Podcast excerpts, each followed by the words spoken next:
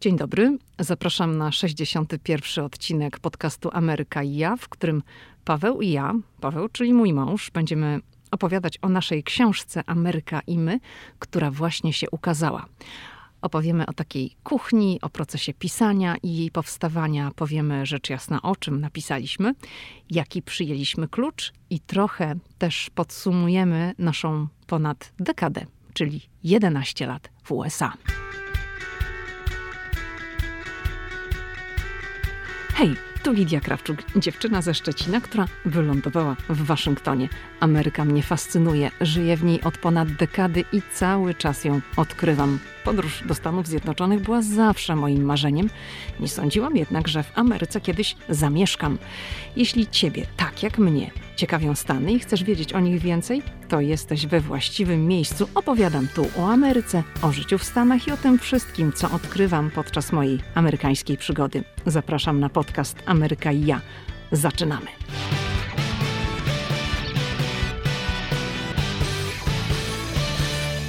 Dzień dobry, witam Cię, Pawle, po raz, no właśnie, który? Po raz czwarty w moim podcaście. Witam serdecznie. Jest mi bardzo miło, jak za pierwszym razem. Nie ma to dla mnie znaczenia, który to raz. Mogę częściej. No, zapraszam Cię bardzo. To chcę tutaj uściślić, że Paweł wystąpił dotąd w odcinkach w czterech, wynotowałam sobie. To był odcinek numer dziewięć i tam opowiadał o swoim pierwszym razie w USA i w ogóle jak to się stało, że my trafiliśmy do Stanów Zjednoczonych. Potem był nasz kolejny wspólny odcinek, to był odcinek numer 44, w którym opowiadaliśmy o Florydzie. Pamiętasz? Tak, tak, pamiętam, oczywiście. I odcinek 51, i w tym odcinku mówiliśmy wspólnie o tym, co robić, żeby z wakacji w Stanach Zjednoczonych nie wrócić z dodatkowymi kilogramami. Ten odcinek nagrywaliśmy w maju. Myśleliśmy, że może ten COVID, jakoś ta sytuacja się uspokoi i że będą urlopy w Stanach w czasie wakacji, no ale w tym roku nie było. Nie schudłem od tego czasu. ale walczysz. Walczę, tak, cały czas, jak zawsze. Dobrze. Dziś będziemy rozmawiać o naszej książce Ameryka i my. I powiem ci, że Michelle Obama powiedziała niedawno w swoim podcaście, bo była pierwsza dama Stanów Zjednoczonych, ma swój podcast. Ona mówiła wtedy o swoim małżeństwie, ale, i tu zacytuję, że były takie momenty w jej życiu, iż chciała wypchnąć baraka przez okno. I podkreślała, iż właśnie używa takiego języka intensywnego, dosadnego, żeby pokazać i podkreślić, że te odczucia były tak bardzo intensywne, że po prostu tak ją czasami jej mąż wkurzał. I czy wiesz. Czy chcesz powiedzieć, że też chcesz mnie wyrzucić przez okno? Poczekaj, poczekaj. To jest mój podcast i ja zadaję pytania, ok? Przepraszam. Dobrze. To czy ty wiesz, dlaczego ja o tym mówię w odcinku na temat naszej książki? No to myślam się, no bo pewnie nie miałaś ze mną łatwo, kiedy pisaliśmy książkę. Czy to jest to, co chciałaś powiedzieć? Chciałabym, żebyś rozwinął tę myśl, jak ten, ten cały proces pisania wyglądał w naszym przypadku. Ja lubię mówić, bardzo lubię mówić. Gorzej jest u mnie z pisaniem. I zdecydowanie wolę taką e, interakcję z e, drugim człowiekiem, więc kiedy mam coś pisać, e, to jest mi gorzej. Bardzo lubię transmisję w internecie, kiedy gdy coś mówię, napiszę coś słuchacz, mogę na to zareagować, albo mogę po prostu powiedzieć do mikrofonu kilka słów. Z pisaniem jest rzeczywiście gorzej, dlatego że mówi mi się o wiele lepiej, natomiast kiedy piszę, to piszę tak jak czasem do serwisów informacyjnych, informacyjnych, po prostu taką krótką relację z najważniejszymi faktami. E, zapominam o tej otoczce z czasem, a no tutaj trzeba było pisać troszeczkę inaczej, więc te początki były na pewno trudne. To jest właśnie to, o czym chciałam powiedzieć, że te początki były takie no niełatwe, dlatego że musieliśmy się dotrzeć w tym naszym wspólnym pisaniu. E, mamy trochę inny styl i Paweł właśnie jest takim karabinem, powiedziałabym. Paweł pisze bardzo szybko, ja piszę wolno. Znaczy wolniej, o tak, może tak powiem, piszę wolniej i e, Paweł z racji tego, że pracuje w newsach, myśli skrótami. Natomiast no, w książce musieliśmy to troszeczkę inaczej rozwinąć i, i te pierwsze momenty, jak pisaliśmy, to były takie, że, że Paweł trochę e, operował skrótami, natomiast jak trochę tekstu powstało, to jakby zrozumieliśmy oboje, w jakim kierunku mamy iść, żeby, żeby to wszystko było spójne. I Paweł zawsze miał czas. Bo tak jak powiedziałam, Paweł pisze bardzo szybko. Ja tak szybko nie potrafię pisać. I Paweł jest taką osobą, która jest bardzo dobra w multitaskingu, czyli on może robić 50 rzeczy na raz, ja nie bardzo. Także właśnie tutaj ten styl naszej pracy i, i podejścia się rozjeżdżał.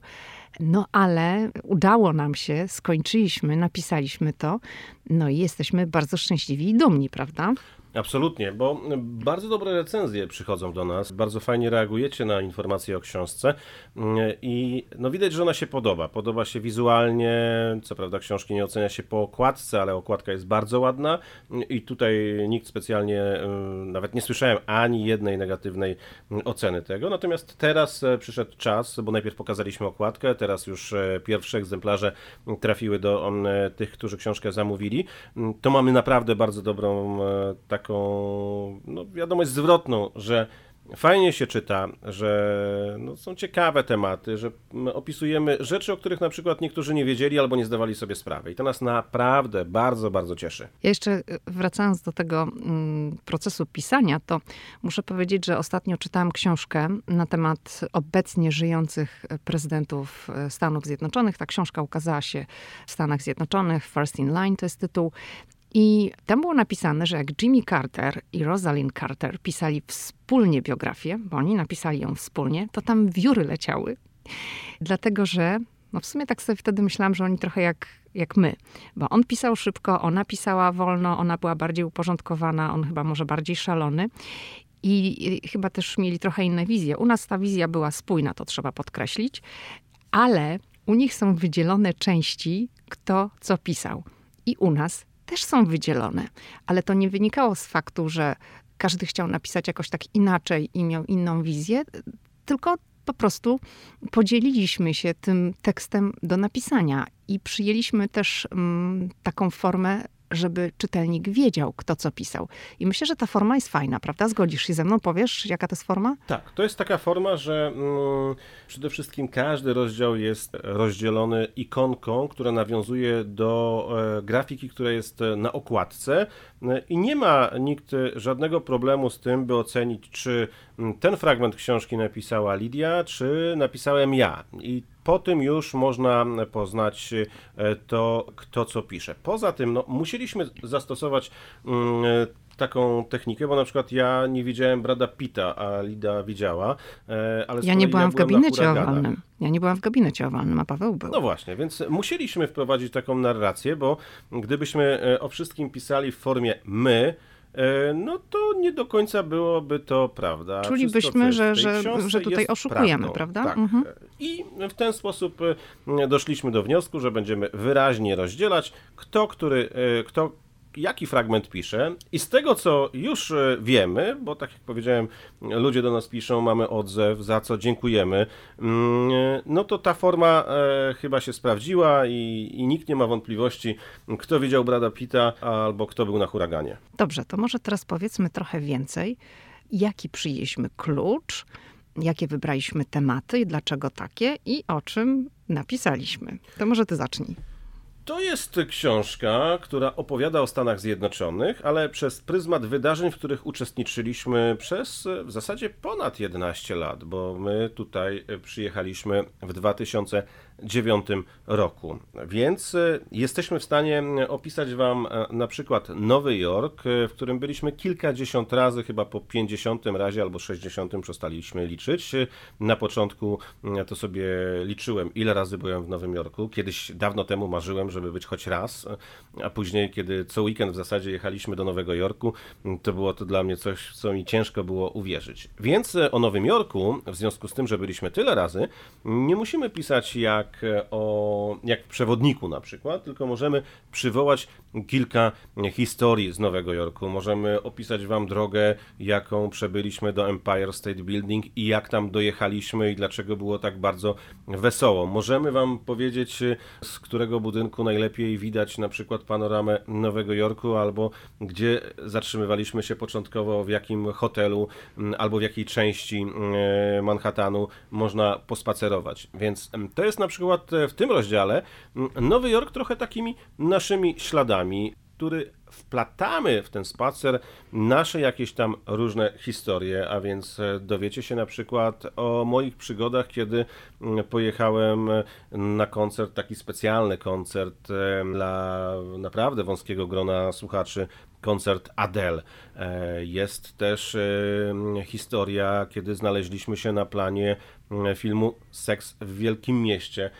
Rozumiem, że panowie teraz e, mogą nie wiedzieć o co chodzi, ale myślę, że w Polsce nie ma pani, która nie wie, e, co to serial Seks w Wielkim Mieście albo film. Więc jest mnóstwo takich właśnie historii. Ale na przykład, jeżeli jest rozdział o huraganach, bo o tym wspominałem, no to dowiecie się, jak przygotować się na huragan, kiedy trzeba tam pojechać, kiedy wszystkich ewakuują, a dziennikarz musi pojechać i relacjonować, jak się zabezpieczyć, jakie błędy można popełnić, jak to jest znaleźć się w samym środku huraganu, jak znaleźć się na ścieżce żywiołu, kiedy huragan zmienia mm, kierunek. No ale chyba. Ale, ale ja tu chciałam coś powiedzieć tak. przy okazji huraganów. Muszę, muszę powiedzieć, że kiedy ja przeczytałam, bo ten rozdział dotyczący huraganów i tego, jak to jest, kiedy człowiek znajduje się na ścieżce żywiołu, był dla mnie zaskoczeniem, ponieważ okazało się, że dopiero jak mój mąż usiadł do pisania książki, to ja się dowiedziałam, jak to naprawdę było. Bo on mi nie powiedział, co tam się działo. Nie powiedział mi, że był taki lekkomyślny, bo powiedzmy to sobie szczerze, że no, trochę tam błędów popełniłeś i, i, opisałeś te błędy, i ja dopiero z książki dowiedziałam się, y, gdzie on się znalazł, jakie to było niebezpieczne i, i co tam się wydarzyło. Bo ja byłam w tym czasie w Waszyngtonie i oczywiście siedziałam przed telewizorem i oglądałam, co się dzieje, natomiast no, znam go na tyle, no, mam do niego zaufanie i, i wyobrażam sobie, że jak jedzie w takie miejsce, to postępuje zgodnie z pewnymi zasadami. Postępował e, zgodnie z nimi. Natomiast no, coś się tam wydarzyło po drodze, napisał, co się wydarzyło i jak ja to czytałam, to sobie mówię, Matko Święta, co, co to w ogóle ma być? Tak, tak? I, ja się, ja się był na, na, zmienił kierunek i, i, i ja się tak naprawdę o tym wszystkim mm, dowiedziałam no, po po ilu latach, Paweł? Po dobrych kilku, bo nie opowiadałem o tym w szczegółach, bo nie było takiej potrzeby. Zresztą w książce zaznaczyłem, że popełniłem błąd. E, natomiast e, to też nie jest do końca tak, że to była jakaś wielka lekkomyślność, bo ja jechałem e, w sporej odległości od huraganu, gdzie oczywiście mm, przy huraganie, który uderza z siłą piątej kategorii, to nawet ta bezpieczna odległość to już e, są takie warunki, że, że naprawdę nie jest to e, nadmorska bryza, więc rzuca samochodem, wyrywa drzewa, eksplodują te kondensatory takie na, na, na słupach tutaj energetycznych, na tych liniach właśnie, które są, to się chyba tak nazywa fachowo więc jest już ekstremalnie. E, śledziłem e, specjalne aplikacje Narodowego Centrum Huraganów. E, zresztą powiadomienia przechodziły co chwilę, urządzenia pikały, pokazywały, że coś się zmienia, albo że huragan słabnie chwilowo, albo przybiera na sile. No a nagle przyszła informacja, że huragan właśnie skręcił, a ja jestem na jego trasie. I co się działo, przeczytacie w książce, nie chciałbym opowiadać wszystkiego ze szczegółami, ale było kilka godzin takich, gdzie nie wiedziałem, co zrobić. Mm, ci, którzy słuchali wtedy relacji w radiu RMFFM na antenie, no to pamiętają, bo czasem ludzie mm, nawet nawiązują do tego. Mm, to mówili, że było mnie ledwo słychać, że był ogromny szum, syk, tak jakby jakieś ciśnienie. No tak to jest, e, jak się znajdzie e, w zasadzie mm, przy samym huraganie, który pędzi z taką gigantyczną prędkością. Ja chciałam tutaj jeszcze mm, powrócić do, do takiego hasła, bo, bo mówiłeś w książce, że kto tam widział Brada Pitta, a kto nie widział. Jest e, cały rozdział dotyczący Hollywood, ale chciałabym zaznaczyć, żeby nie myśleć, że to jest tylko w kontekście takiego, o, chodzimy po czerwonym dywanie i o matko, co tam się dzieje. To są trochę takie e, też kulisy tego wszystkiego, bo oczywiście każdy wie, że w lutym, pod koniec lutego są, jest ceremonia rozdania Oscarów e, w Hollywood. My byliśmy 11 razy z tej okazji w Hollywood i oczywiście opisaliśmy, mm, jak to wygląda i, i, i co tam jest, ale myślę, że to jest też ciekawy taki wątek, który tam się pojawił. Opisaliśmy, to znaczy ja opisałam, bo akurat ten fragment pisałam ja, taką wycieczkę, jaką sobie kupiliśmy, i to była wycieczka śladami domów gwiazd. I chciałam cię, Pawle, zapytać, co ty pamiętasz z tej wycieczki? Co ty zapamiętałeś? No bo to ja napisałam ten fragment, to, to ja to opisałam. I, I czy ty możesz przywołać swoje wspomnienia z tego, jak w ogóle ci zakomunikowałam, że wsiadamy do, do busika i jedziemy sobie oglądać Domy Gwiazd? Żeby było jasne, to tak mm, tytułem wstępu, cały ten show biznes hollywoodzki i nie tylko hollywoodzki, jeżeli chodzi o mnie, to mnie to nie kręci zupełnie. 11 razy relacjonowałem galę wręczenia Oscarów, przy czym traktuję to zawodowo, służbowo, jadę jako pewne zjawisko. Natomiast to nie jest tak, że kiedy widzę jakąś gwiazdę, to yy, czuję się jakoś bardzo szczególnie. Więc yy, kiedy usłyszałem, że mam pojechać zobaczyć nawet nie gwiazdy, a domy gwiazd, to uśmiech pojawił się, się na mojej twarzy, ale, ale mówię, dobra, ale, chcesz, ale, ale poczekajcie, jedziemy. bo jeszcze muszę powiedzieć. Ja byłam wtedy w ciąży. No to kobiecie w ciąży się nie odmawia, prawda? No tak. Zresztą, no, jeżeli chciałaś coś tutaj w Stanach Zjednoczonych zrobić i zobaczyć, to raczej robiłem wszystko, żebyś twoje mm, marzenie spełnić. Więc Wsiedliśmy do takiego busika z otwartym dachem, w zasadzie bez dachu. I pamiętam, pierwszy przystanek to był chyba dom Katy Perry. I nagle z głośników e, zaczyna w tym samochodziku lecieć jakaś tam piosenka Katy Perry. Pani w euforii mówi: Zobaczcie, to jest dom Katy Perry, więc my wszyscy na prawo. I ja widzę komin, drzewo i ogrodzenie. I wszyscy oczywiście aparaty, robią zdjęcie. Ale ja, z racji tego, że zawodowo zajmuję się newsami, y, wszystkim, to chciałem zobaczyć ten dom, zrobić zdjęcie, nie wiem, usiąść, skadrować. Po czym pani zwolniła, dołożyła gazu i pojechała i powiedziała, że nie możemy się tutaj zatrzymać, y, bo nie ma na to zgody. I ja cały czas mówię, gdzie był ten dom? I dopiero chyba przy kolejnym mm, domu, i to był dom e, Wolfganga Puka, zrozumiałem, że ta wycieczka polega na tym, że się po prostu podjeżdża pod ogrodzenie, przy Wolfgangu Puku, przy jego domu mieliśmy tyle szczęścia, że była brama wjazdowa otwarta, więc coś tam mogliśmy zobaczyć. Ale muszę powiedzieć, że to jest bardzo ciekawe doświadczenie. Czułem się jak taki typowy turysta e, z aparatem, który jest no, trochę naciągnięty na taką wycieczkę, kiedy no, czytasz ogłoszenie, wycieczka, oglądanie domów gwiazd, a ty w zasadzie oglądasz tylko płoty. Ale też nie będę zdradzał za dużo, bo nie chciałbym tutaj psuć zabawy.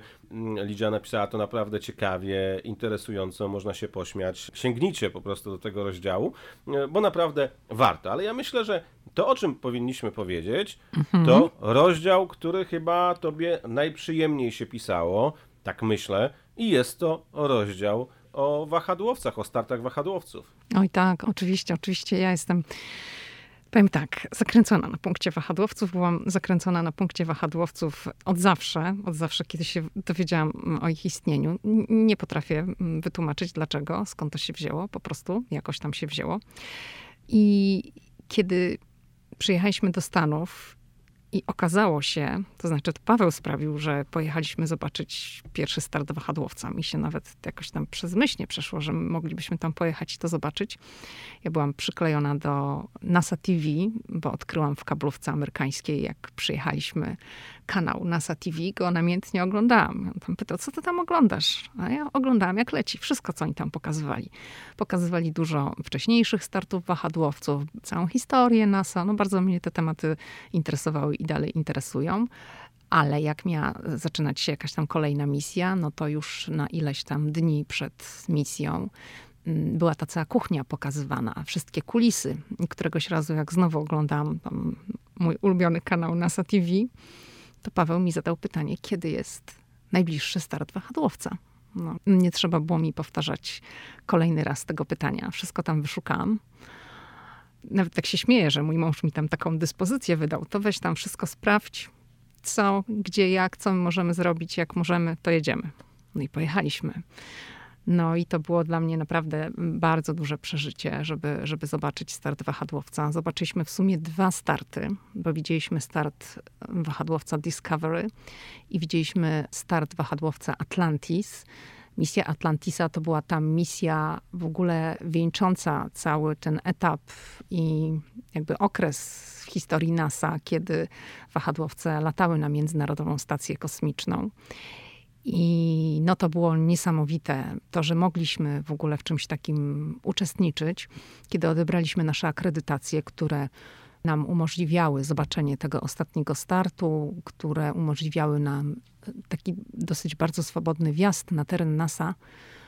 To się okazało, że ta akredytacja upoważnia nas również do zobaczenia lądowania My nie mieliśmy tego w planach na początku, że my będziemy oglądać lądowanie, ale jak się okazało, że możemy zobaczyć lądowanie, które miało tam się odbyć chyba w przeciągu kilkunastu dni, no to też zweryfikowaliśmy nasze plany i, i uznaliśmy, że lądowanie też oglądamy, prawda? Tak było. E, pojechaliśmy wtedy sobie do Miami w tej przerwie, żeby spędzić czas na Florydzie. E, i czekaliśmy na informację, kiedy rzeczywiście będzie e, lądowanie, bo o ile dobrze przypominam sobie, no to zawsze e, było tak, że musiały być odpowiednie warunki, ta operacja mogła by zostać przeniesiona, gdyby wystąpiły właśnie jakieś niesprzyjające warunki, no ale przyszło potwierdzenie, że tego i tego dnia będzie lądowanie, więc z Miami w samochód i na północ Florydy, e, na przylądek Canaveral, by zobaczyć właśnie ten historyczny moment. I tam naprawdę spotkały nas rzeczy, w które trudno uwierzyć, dlatego że po samym lądowaniu mogliśmy wziąć udział na terenie NASA w takiej uroczystości zakończenia programu lotów kosmicznych wahadłowcami. Mm, I obok wahadłowca staliśmy w zasadzie w odległości no, wiem, paru metrów no, obok. E, więc wahadłowiec, mm, po pierwsze, który chwilę wcześniej wrócił z mm, Międzynarodowej Stacji Kosmicznej, do tego właśnie ten historyczny moment, e, no i jeszcze ta sytuacja, że można obok niego stać, zobaczyć. My widzieliśmy wcześniej prototyp, e, który był w waszyngtońskim muzeum, Air Space Museum. Enterprise, tak. Enterprise, tak. ale słuchajcie, to nie to samo. To to był tylko taki model testowy. Co prawda rozmiarom to on odpowiadał temu, co widzieliśmy później e, na przylądku Canaveral. No ale no, zawsze ale... masz tę świadomość, że to nie jest tak, tak do końca to, to, tak? To nie jest to. Poza tym ten był lekko osmolony, mm, brudny po tej misji, więc to wszystko nadawało temu takiego szczególnego znaczenia i to było coś, co pewnie będziemy wspominać zawsze i zresztą kiedy ktoś pyta nas o Stany Zjednoczone, czy o tym radzi się nas, e, co zobaczyć na wschodnim wybrzeżu, to zawsze mówimy koniecznie jedźcie e, na Florydę do centrum lotów imienia Kennedy'ego właśnie na przylądku Canaveral, bo to jest niesamowita przygoda. Tam jest, e, o tym opowiadała się w jednym ze swoich podcastów przecież, mm, możliwość zwiedzenia terenu NASA. My mieliśmy możliwość zobaczenia czegoś więcej, mieliśmy dwutygodniową wtedy akredytację, która pozwalała nam na wjazd na teren NASA własnym samochodem, mogliśmy poruszać się bez przewodnika i w zasadzie zobaczyć wszystko to, co no, jest dostępne e, nawet dla pracowników NASA. Ja myślę, że tak mm, jak pisaliśmy tę książkę i przeglądaliśmy też zdjęcia, bo e, w książce jest wkładka ze zdjęciami, tam jest około 50 zdjęć kolorowych, to mm, uświadomiliśmy sobie, jak, to znaczy my o tym wiedzieliśmy od dawna, tak, ale gdzieś tam jak ten proces powstawania książki e, jest w toku, to, to człowiek sobie uświadamia, jak wiele mógł doświadczyć przez te 11 lat, jak wiele zobaczyć. I oczywiście mm, to nie jest tak, że przez te 11 lat codziennie cały czas coś się działo i my byliśmy gdzieś na wyjeździe i tak dalej. My też mamy swoją rutynę, e, my też mamy swoje górki i dołki, tak? Natomiast no, te nasze 11 lat, y, to myślę, że w tym życiu wydarzyło się tak bardzo dużo różnych rzeczy. Odwiedziliśmy tyle miejsc, mieliśmy okazję uczestniczyć w takich uroczystościach, że jak zbieraliśmy materiał, jak decydowaliśmy, może o tak powiem, o tym, co wchodzi do tej książki, no bo wszystko nie weszło. Nie ma takiej w ogóle opcji, nie ma takiej możliwości. To dla mnie to była taka refleksja, że matko, gdyby ktoś mi powiedział tam te 12 lat temu, że ja wyjadę do Stanów i przeżyję tyle i zobaczę to wszystko z bliska, będę uczestniczyć e, w uroczystościach w takich, w jakich uczestniczyłam, to bym mu nie uwierzyła, to bym się śmiała. jasne, jasne. A tu się okazało, no na przykład jak to właśnie też mm, jest w książce, jakbyśmy na takim spotkaniu w Białym Domu, to było spotkanie z udziałem trzech żyjących wówczas prezydentów i byłych prezydentów Stanów Zjednoczonych. To był Barack Obama, to był George W. Bush i jego ojciec, czyli Bush senior. I to spotkanie było zorganizowane przez Obamów, którzy wówczas urzędowali w Białym Domu. I okazją było odsłonięcie oficjalnych portretów George'a W. Busha i, i Lori Bush. Po, ponieważ no, taki jest zwyczaj, że portrety prezydentów, byłych prezydentów i byłych pierwszych dam no, pojawiają się w Białym Domu i one po prostu wiszą gdzieś tam e, e, w pokojach Białego Domu czy w holu. No i Bushowie zostali zaproszeni właśnie na tą ceremonię, podczas której odsłonięto te portrety, zaprezentowano je publicznie i to był po prostu to było wspaniałe popołudnie. To była y, dla nas wielka chwila, ponieważ no, można było zobaczyć, jak oni fajnie wszyscy potrafią się zachowywać, jak sypią żartami jak z rękawa. Oczywiście, no wiadomo, te żarty pewnie ktoś im tam przygotował wcześniej, bo to, to w Ameryce to się nigdy nic nie dzieje, tak uważam, przypadkiem, ale była tam świetna atmosfera.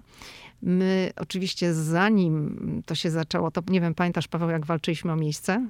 Tak, tak, ale jeszcze zanim o tym miejscu, to ja bym chciał dodać, jeżeli mogę, to, że oprócz oczywiście Bushów, oprócz Obamów, e, e, byli tam także znani amerykańscy politycy z tego okresu, ale też z wcześniejszego, choćby był Colin Powell, który był przecież e, kiedyś doradcą prezydenta do spraw bezpieczeństwa narodowego, był także sekretarzem stanu Stanów Zjednoczonych, więc e, wtedy w Białym Domu zobaczyliśmy ludzi, których e, wcześniej widzieliśmy w telewizji, o których mówiliśmy w relacjach radiowych, ale z perspektywy Polski, a my wówczas staliśmy, ja pamiętam właśnie, że staliśmy dokładnie chyba za krzesłem Colina Powella, więc to, to, to, to, to było coś niesamowitego mm, zobaczyć. Condoleezza Rice wtedy również była, o ile sobie mm, przypominam. Więc zobaczyliśmy mm, wielu polityków e, z administracji Baracka Obamy, wielu polityków z administracji George'a W. Busha.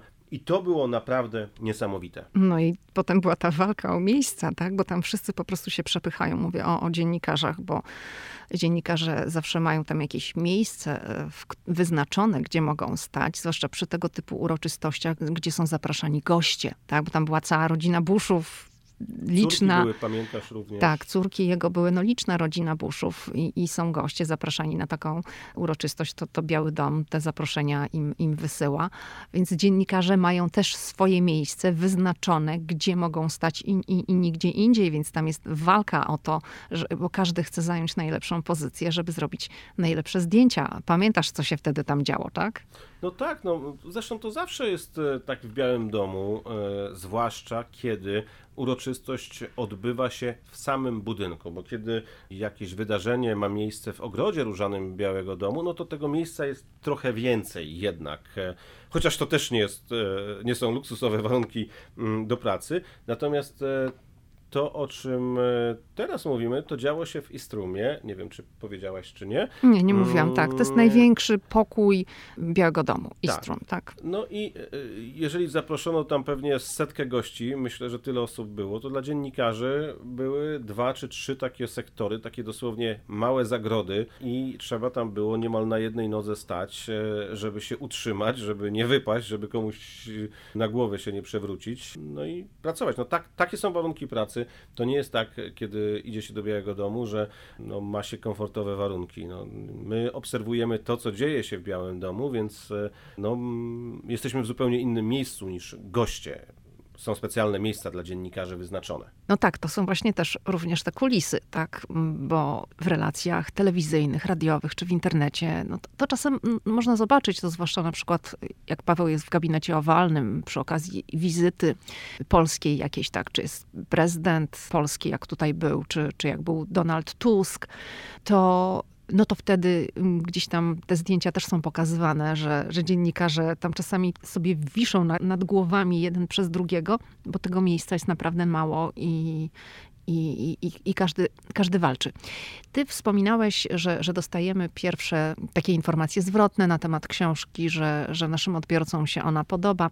Ja na Instagramie też zaczęłam właśnie mm, dostawać takie różne wiadomości i tam się przewija taki komunikat, że fajne są te wszystkie smaczki, o których piszemy, że to są takie informacje i to jest taka możliwość wejścia w to wszystko od wewnątrz, właśnie dzięki temu, że my mamy akredytację i mamy dostęp do pewnych miejsc, do których no, w innych okolicznościach człowiek dostępu nie ma. Tak, e, no, akredytacje otwierają nam drzwi, wchodzimy tam, gdzie wejść normalnie nie można, gdzie nie wchodzą e, wycieczki e, z turystami i możemy po prostu podpatrzeć więcej. No, dzięki temu człowiek może, nie wiem, wiedzieć o tym, że w gabinecie owalnym za czasów prezydentury Baracka Obamy zawsze na stole, przy tych takich dwóch krzesłach i kanapach, przy których zasiadają goście prezydenta, to na tym stoliku zawsze musiała być misa jabłek odmiany gala, koniecznie, bo Barack Obama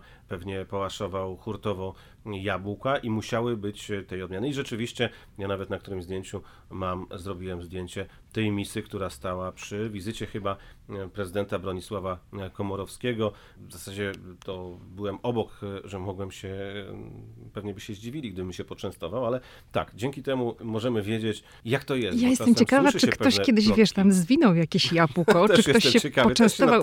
Wiesz, dlatego, że właśnie tam w tej naszej książce są właśnie te różne kulisy Białego Domu i, i tam przytaczam taką e, rozmowę z osobą, która jest przy przyjęciach w Białym Domu i ona właśnie mi tam mówiła, że no niektórzy ludzie mają takie ciągoty, że chcą mieć jakąś pamiątkę. Zresztą to właśnie tam opisałam, że to już nawet, nawet nie teraz, ale również w przeszłości e, znikały e, różne rzeczy, nawet talerze, bo ktoś tam chciał mieć jakąś tam małą pamiątkę z Białego Domu z tym nadrukiem, że to jest z Białego Domu, no to tam gdzieś do kieszonki. Ale oprócz tego, że możemy wejść na przykład do Białego Domu, no to Oczywiście te informacje gdzieś tam się pojawiają, no ale kiedy Barack Obama wprowadził się do Białego Domu, no to zarządził, że gdzieś trzeba jest jego córkom zrobić plac zabaw. E, no i my widzieliśmy na przykład e, plac zabaw e, i on był zlokalizowany tuż obok gabinetu owalnego, że w zasadzie kiedy Barack Obama siedział przy swoim biurku, tym słynnym prezydenckim biurku, jak się odwrócił, to widział bawiące się dziewczynki na placu zabaw. Z kolei za prezydentury Donalda Trumpa ten plac został zlikwidowany, ale w ogrodzie Jackie Kennedy została ustawiona wielka bramka, no więc z całą pewnością kopię w gałę, jak e, ktoś e, kiedyś powiedział, syn Donalda tak, Trumpa. Baron Trump. Tak. No tak samo e, pojawiła się informacja, że na terenie Białego Domu pojawił się ul, no i my ten ul widzieliśmy rzeczywiście w pobliżu ogródka warzywnego mm, Michelle Obamy. To ona założyła ten ogródek, teraz Melania Trump kontynuuje mm, ten pomysł. No, jest ul, który jest z kolei w pobliżu ogrodzenia mm, od strony elipsy, czy może komuś bardziej to powie coś od strony monumentu Waszyngtona tam się stoi, to pewnie ten ul nawet dałoby się dostrzec. Więc my dzięki akredytacjom jesteśmy w takich miejscach, gdzie możemy mm, zobaczyć więcej. Możemy na przykład, e, mogliśmy zauważyć e, taką ciekawą też historię, tego akurat w książce chyba nie napisaliśmy, że kiedy e, przyjechał Emmanuel Macron do Donalda Trumpa i była ta wielka feta, wielkie przyjęcie, po którym zresztą zaraz relacje się trochę rozjechały Stanów Zjednoczonych i Francji, no to była tam taka ciekawa historia, że pierwsze pary Francji i Stanów Zjednoczonych e, posadziły drzewko. Drzewko to miał być dąb pamięci, który miał na lata pozostać takim trwałym śladem wizyty Emmanuela Macrona u Donalda Trumpa. Proszę sobie wyobrazić, że następnego dnia drzewko zniknęło z terenu Białego Domu i wszyscy zadawali sobie pytanie. My widzieliśmy, że mm, na przykład na trawie było po prostu taki lekki odcień trawy, więc wiecie, jak się trawniki teraz kładzie, przyjeżdżają, on jest taki zrolowany, więc docięto do... Uzupełniono, tak, uzupełniono taką trawą drzewa nie było. Mhm. No więc y, później dowiedzieliśmy się, że po prostu y, drzewko zostało przywiezione z Francji, ale w związku z tym, że teren Białego Domu jest też terenem trochę takim zabytkowym, y, jest terenem, który jest w gestii Parku Narodowego, Okazało się, że drzewko nie przeszło kwarantanny, więc zaraz po tym, jak Emmanuel Macron wyjechał z Białego Domu, specjaliści z National Park Service wykopali drzewo, które prezydenci posadzili wraz z pierwszymi damami mm, i zabrali drzewko na kwarantannę. No i ono sobie gdzieś tam rosło pewnie pod Waszyngtonem, ale... Znaczy to umówmy się, że po cichaczu to po zrobiono, cichaczu, tak? tak? Ale oczywiście tam tego nie ogłaszano. ktoś, kto uczestniczył w tej e, ceremonii wkopania drzewa, inaczej. Ktoś to widział w relacjach telewizyjnych. Nie, ja myślę, że to było tak, że po prostu ktoś zauważył nagle, że drzewko zostało wkopane i teraz tego drzewka nie ma. I co się Tak. stało? Tak? I, Tak, i, tak. I zaczęło się takie, m, powiedzmy, dziennikarskie śledztwo. Co się stało z drzewkiem, które posadził Emmanuel Macron? I tego drzewka nie ma tam do dzisiaj. Niestety, e, po tym jak zostało wykopane, przeniesione w inne miejsce e, i przechodziło kwarantannę, no niestety nie przetrwało tych zabiegów e, i tego drzewka pamięci, które miało symbolizować e, no, taką więź między Stanami Zjednoczonymi a Francją, nie ma. E, Tak jak i relacje między Donaldem Trumpem a Emmanuelem Macronem trochę, powiedziałbym, mm, osłabły. Politykom raczej nie jest w tej chwili po drodze. Nie darzą się już taką sympatią, a widzieliśmy przecież te sceny z Białego Domu, kiedy mm, Donald Trump łapał Emmanuela Macrona za rękę, ciągnął do gabinetu owalnego, sprawiał wrażenie, że są tak zaprzyjaźnieni jak mało kto. Także mm, my przyjęliśmy taki klucz, takie założenie, że, że to mają być kulisy, bo to jest e, jednak inaczej, jak ktoś przyjedzie do Stanów i przyjedzie tu turystycznie i nawet zrobi dobry research i spędzi tutaj ileś miesięcy, no to siłą rzeczy nie może mieć dostępu do, do pewnych miejsc, y, do których my mieliśmy dostęp, właśnie dlatego, że wykonujemy taki zawód, a nie inny i, i, i ten zawód daje nam takie możliwości. Właśnie dzięki akredytacjom mamy wstęp do różnych miejsc i, i możemy obserwować z bliska pewne uroczystości, wydarzenia, o których wy czytacie w mediach, widzicie relacje telewizyjne, widzicie zdjęcia w internecie, ale no nie macie tego wglądu, jak to wygląda od tej drugiej strony, jak, jak to wygląda od kuchni. Opisaliśmy tam właśnie również takie nasze spostrzeżenia dotyczące tego, jak Ameryka żegna ludzi i, i to opisaliśmy w kontekście pożegnania e, ludzi ze świecznika, ponieważ to jest zupełnie coś innego, do czego my przywykliśmy w Polsce, prawda? Absolutnie, to zupełnie to wszystko inaczej e, wygląda. E, To są smutne wydarzenia, ale mimo wszystko takie optymistyczne. One mają zupełnie inny charakter, zupełnie inny przebieg, zupełnie inną oprawę.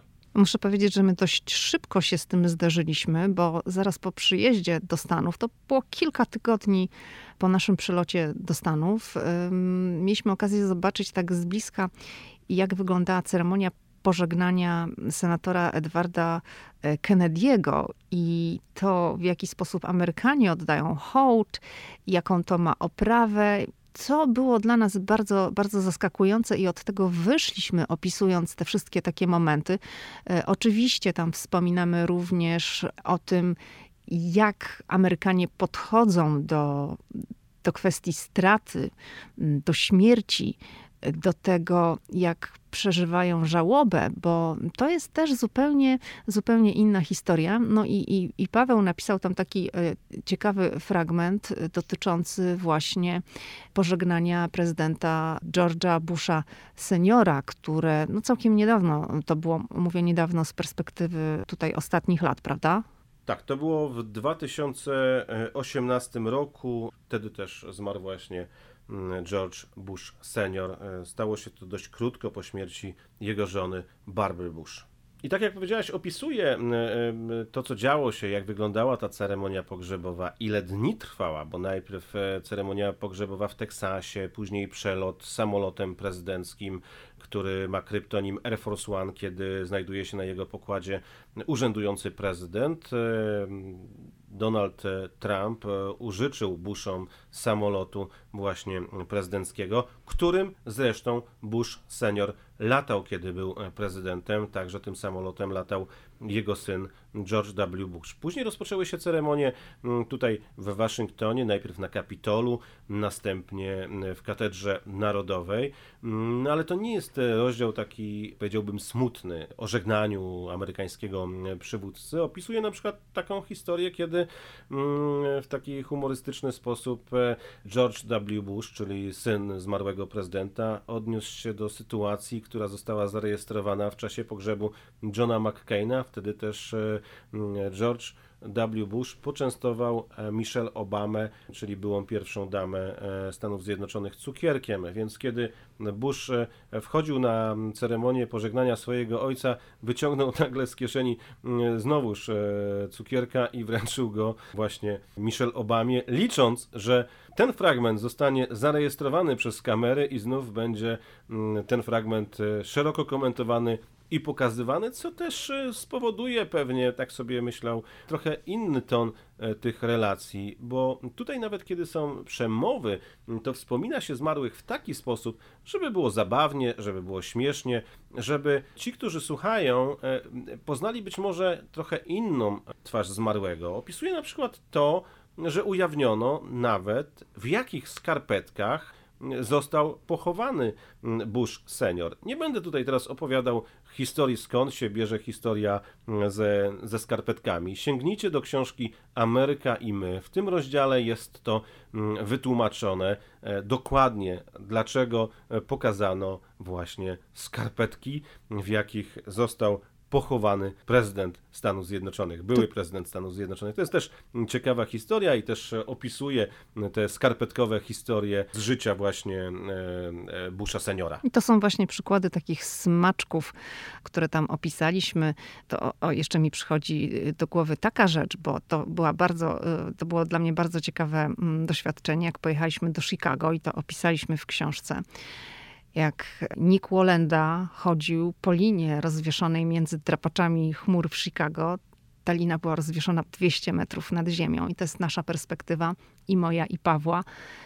Jak to było w ogóle tam na miejscu? Co to znaczy być tam i patrzeć na, no nazwijmy rzeczy po imieniu, szaleńca, tak? Człowieka, który ryzykuje swoim własnym życiem, żeby udowodnić coś tam sobie, komuś no i zarobić przy okazji pieniądze, tak, no bo nie ukrywajmy, że on zarabia na tym e, duże pieniądze. I to jest, to jest show, tak, oczywiście e, telewizyjne, bo to było transmitowane na żywo w telewizji i my tam byliśmy na miejscu i patrzyliśmy, jak on idzie po tej linii. Ja z jednego miejsca, Paweł z drugiego. Także mieliśmy zupełnie inne perspektywy. Na dodatek byliśmy z dzieckiem. Dziecko miało wtedy półtora roku i było w takim momencie swojego życia, że wyrzucało wszystko. Buty, czapki, rękawiczki, skarpety, co się, co się dało. Także no to też była dla nas taka przygoda. I tutaj też pojawia się pewien smaczek, bo e, przepraszam, że tutaj ci wtrącę, e, że kiedy ja już e, mam z hotelu wydostać się na zewnątrz i mam za chwilę mieć wejście na antenę i opowiedzieć o tym słuchaczom w Polsce, to z jakichś powodów nie mogę wydostać się z tego hotelu i jest cała historia wokół tego, więc nie ma tylko w tym rozdziale historii związanej z tym panem, który sobie idzie po linie, ale są to też takie reporterskie kulisy, kiedy po prostu nagle coś się dzieje i człowiek nie wie co zrobić. Bo może się okazać, że to, co miał zobaczyć, to może tego nie zobaczyć, mimo że przyleciał wiele set kilometrów z Waszyngtonu do Chicago, żeby to zobaczyć, a, a nagle jakaś pierdoła staje na drodze. Dobrze, Paweł, to może teraz powiedzmy o tym, bo nie ukrywajmy tego, że tę książkę wydaliśmy sami, bez udziału żadnego wydawnictwa. No to teraz odpowiedzmy na to pytanie. Czy zrobiliśmy to dlatego, że nikt nam nie chciał tego wydać? Nie. Były propozycje i te propozycje nie pojawiły się ani w tym roku, ani w tamtym roku, tylko pojawiały się już wcześniej. My nosiliśmy się z zamiarem napisania książki, ale postanowiliśmy zrobić to sami, zmierzyć się z tym sami i wydać naprawdę taką książkę, jaką chcielibyśmy sami wydać, e, żeby nikt nie dyktował nam warunków, żeby... No i nie ukrywajmy, ktoś... że warunki y, dla autorów nie są specjalnie korzystne, prawda? Tak, ale to też chodziło o to, żeby ta książka była taka, jaką sobie ją wymarzyliśmy żeby to nie było tak, że ktoś nam powie, dobra, ale papier będzie tej jakości, który będzie żółty, który będzie cieniutki, jak papier toaletowy i e, że będzie po prostu do niczego. Chcieliśmy, żeby ta książka była ładna, estetyczna, żeby okładka była przemyślana. Żeby była wow. I taka okładka jest. E, Dostajemy taki feedback, że okładka jest po prostu genialna i my się z tym zgadzamy. Tak, absolutnie. Były trzy pomysły, ale ten jeden po prostu, to było, tu nie było w ogóle dyskusji w zasadzie. Od razu wiedzieliśmy, że którą e, bierzemy. Sugestie, mhm, ale absolutnie to nie było. Poza tym chcieliśmy, żeby papier, który jest w środku, bo przecież w książce nie tylko o okładkę chodzi, był ładny, żeby był po prostu dobry, żeby ta grafika, która gdzieś tam się miejscami pojawia, też była ładna. No żeby, żeby, to było takie zdjęcia... też estetyczne doznanie, żeby to było przyjemne dla odbiorców wziąć tę książkę do ręki i że jak ją trzymasz, to trzymasz coś, co jest po prostu fajne. Tak? Żeby ktoś na przykład w wydawnictwie nie powiedział, słuchajcie, kolorowe zdjęcia podrażają koszt produkcji, to będą zdjęcia czarno-białe. To nie będzie. A my mamy takie zdjęcia, które no, są po prostu ładne. Są, no. Wkładka jest kolorowa, jest to po prostu wszystko dobrej jakości. Jeżeli Postawiliśmy mamy wam na jakość. W na naszej jakość. książce na przykład, bo nie będę zdradzał tutaj jakie są zdjęcia, ale na przykład mamy wam pokazać nas na czerwonym dywanie, no to fajnie, żebyście ten czerwony dywan zobaczyli, a nie czarno-biały, bo przecież to kompletnie nie ma sensu. Więc ta książka musiała być ładna, kolorowa, estetyczna i z tego co piszecie, Taka jest. No i też, żeby treść była porywająca. Chcieliśmy, żeby, chcieliśmy wam zafundować, nie będziemy nawet tego ukrywać, taki roller coaster emocjonalny trochę, żeby trochę było zabawnie, trochę wzruszająco, żeby chwytało za serce, no żebyście mogli doświadczyć z nami tych różnych emocji i przejść tymi ścieżkami, które my przeszliśmy. Chcieliśmy, żebyście byli tam w środku, żebyście poczuli to, że tam też jesteście, że w jakimś sensie w tym wszystkim e, uczestniczycie. Mówiąc jeszcze o okładce, to e, zaprojektował ją dla nas Marcin Gajosiński. To jest też ciekawe, bo mm, właśnie w dobie internetu te możliwości są bardzo duże i my nie znaliśmy Marcina wcześniej i w ogóle nigdy nie poznaliśmy go osobiście tak twarzą w twarz, tak? Widzieliśmy się tylko za pomocą komunikatorów, widzieliśmy się przez, e, właśnie dzięki internetowi mogliśmy w ogóle zobaczyć, jak wyglądamy, to znaczy on zobaczył, jak my wyglądamy, a my zobaczyliśmy, jak on wygląda. I to jest właśnie niesamowite w dzisiejszych czasach, że, że takie rzeczy można robić na taką odległość i, i że to się da, prawda? Tak jest, dokładnie tak. To bardzo ciężka była ta współpraca w tym sensie, że chciałoby się być, spotkać kogoś. My lubimy z ludźmi rozmawiać, z ludźmi się spotykać, a tu nagle trzeba to wszystko załatwiać na odległość. No ale dało się. Dobrze, to teraz może powiedzmy, w jaki sposób książka jest dystrybuowana i gdzie można ją kupić. Książkę można kupić na stronie www.amerykaimy.pl i to jest chyba naj Mm, lepsze wejście, bo wchodzicie, klikacie i książkę macie w zasadzie następnego dnia u siebie w domu, więc wchodzicie strona www.amerykaimy.pl, tak jak tytuł naszej książki. Natomiast jeżeli ktoś e, ma taką potrzebę i lubi odwiedzać księgarnię, no to sieć księgarni Książnica E, Polska. E, to jest 40 księgarni w całym kraju. Musicie sprawdzić, wejść sobie na stronę Książnicy Polskiej, zobaczyć jaka księgarnia w waszym mieście jest w tej sieci. Na przykład w Szczecinie to jest to księgarnia zamkowa, w Warszawie jest to księgarnia przy Świętokrzyskiej. Przy Świętokrzyskiej. Więc e, musicie po prostu zobaczyć jak się nazywa konkretnie księgarnia w waszym mieście, która jest w sieci księgarni Książnica Polska? I musimy tutaj zaznaczyć, że to jest jedyna sieć, w której ta książka jest dostępna stacjonarnie.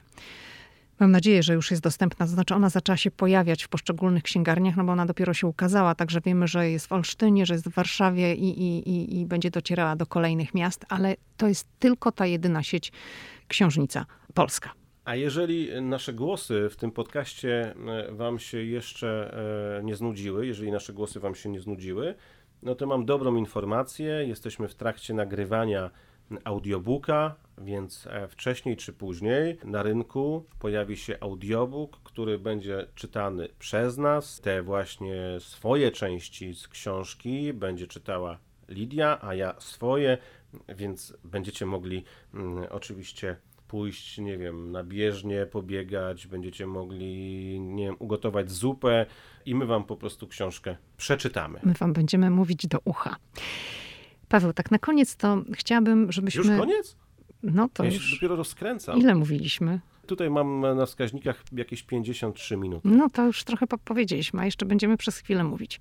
Bo chciałabym, żebyśmy tak na koniec trochę podsumowali te nasze 11 lat w Stanach Zjednoczonych, żebyśmy może spróbowali sobie odpowiedzieć na takie pytanie, co nam ta Ameryka dała. I ja może zacznę mówiąc od tego, że na pewno no, dała nam nowe możliwości zawodowe, to bez dwóch zdań.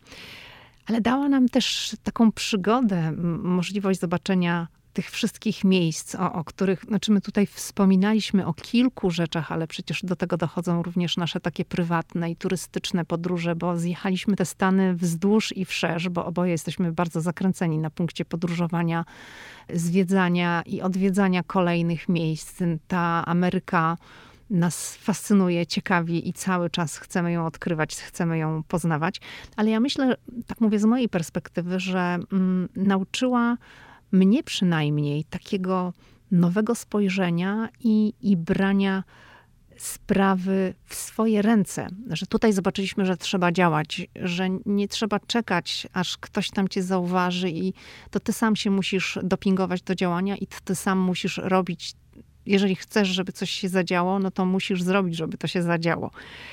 I mi też Ameryka otworzyła oczy na takie codzienne relacje międzyludzkie że wcale nie trzeba na siebie burczeć, że po prostu lepiej się żyje, gdy, gdy ludzie są dla siebie uprzejmi, mili, że, że to my tak naprawdę, my ludzie kreujemy to środowisko, w którym jesteśmy, czyli zaczynamy od siebie, tak? Jak ja jestem miła dla innych, no to jest szansa, że inni będą dla mnie mili też, a nie tylko mówić, a bo wszyscy są tacy beznadziejni, to ja też taka będę, będę nie wiem, nieuprzejma, gburowata i, i będę burczała na ludzi.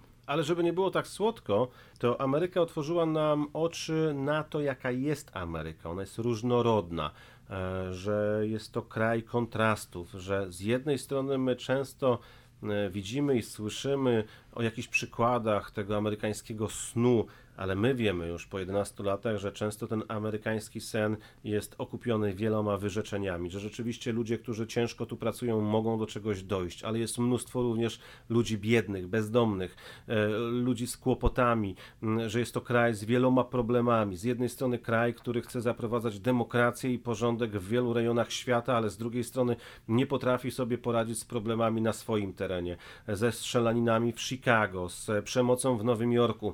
Więc e, my o Stanach Zjednoczonych po 11 latach wiemy naprawdę dużo. Bywaliśmy w różnych miejscach. To nie jest tak, że znamy Stany Zjednoczone z perspektywy jednego miasta dosyć spokojnego jak e, Waszyngton, chociaż w Waszyngtonie też bywa różnie, to zależy Znaczy takiego dzielnica. spokojnego z pozoru, bo tutaj po tak prostu jest. się kotuje, tak? Dokładnie. Dlatego mówię, że my Stany Zjednoczone znamy z północy, z południa, ze wschodu, z zachodu. Byliśmy w tylu miejscach, że naprawdę mogliśmy pokusić się o to, by napisać o Stanach Zjednoczonych przez pryzmat wydarzeń, które obsługiwaliśmy, które relacjonowaliśmy.